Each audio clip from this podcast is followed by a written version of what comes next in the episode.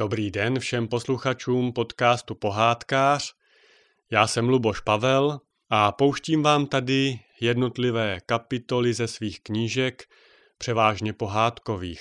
Ale nejenom knihou Příběhy malého Tibetu jsme se přehoupli už do tvorby pro dospělé, i když jsem vybíral takové příběhy, které jsou vhodné i pro děti.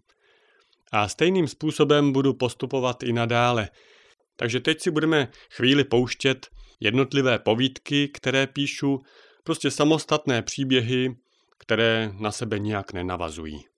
No, eh, neváhejte navštívit mé stránky www.lubospavel.cz, kde je k dostání vše, co píšu a vydávám v podobě papírové i elektronické, nebo se podívejte na můj nový projekt www.papiro.cz, kde se prezentují podobně tvořící autoři a ilustrátoři jako já, tedy autoři na volné noze, tak říkajíc, bez závazků vůči nějakému velkému vydavatelství. A první povídka se jmenuje Domácí zvíře.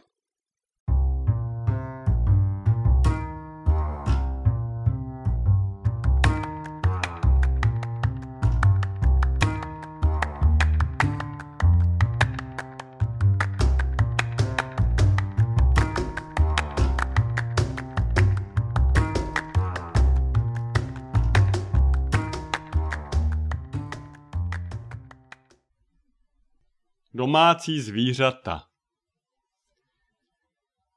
Lidé, kteří mají rádi zvířata, chovají doma lecos. Třeba prase. To opravdu není jenom komický nápad Šimka Grossmana, ale skutečnost. Viděl jsem jistou reportáž z paneláku na jižním městě. Většina lidí si však do bytu pořídí kočku nebo psa. I já jsem patřil k této průměrné šedi majitelů domácích zvířat. Moje kočka však průměrná nebyla ani trochu, byla dost výjimečná. Už to, že její maminku našli v parku Bohnického blázince, jakoby předurčovalo její povahu a osud. Norská lesní kočka je rasa vzácná a nesmí se k nám prakticky dovážet. Má hustou, dlouhou stříbrnou srst a i moje kočka takovou měla. Zpočátku, Jednoho dne si doma v teplu a šeru rozjímám a najednou otevřu oči a vidím Kleopatru, tak jsem ji nazval Kleopatra, jak se řítí přes parapety, stůl, skřínky, klavír kolem dokola mého pokoje a je pronásledována stejně rychle se pohybující pochodní. Což v tom šeru vypadalo přízračně a záhadně. Ale pak jsem zjistil, že to není žádná kočičí magie, ale její hořící huňatý ocas. Lady Kleopatra se prošla kolem svíčky, takže splála. Než jsem ji uhasil ručníkem, vzala její srst z poloviny za své. Vpředu stále připomínala norskou lesní kočku, ale vzadu spíše egyptského naháče.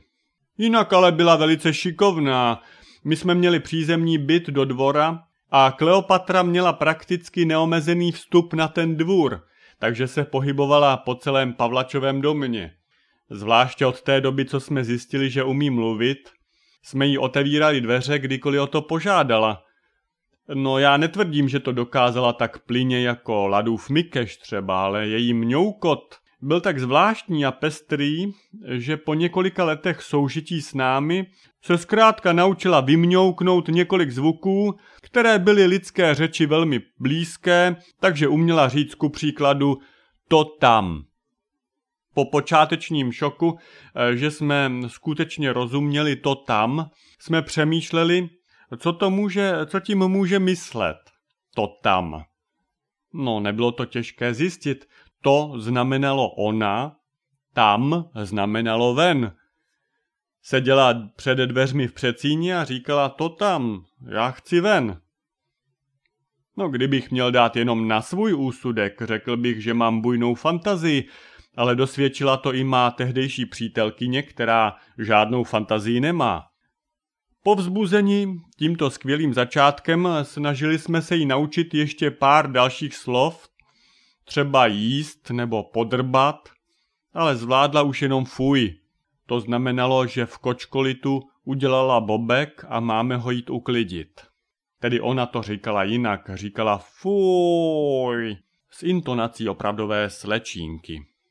Jak se tak pohybovala podobně, jak už jsem říkal, probudili se v ní lovecké instinkty, takže jednou přinesla do alobalu zabalený hovězí řízek, který asi ležel někde v chladu za oknem, jindy dotáhla dámskou papuči, ještě byla teplá, taky německo-český slovníček kapesní a nejlepší úlovek byla láhev piva.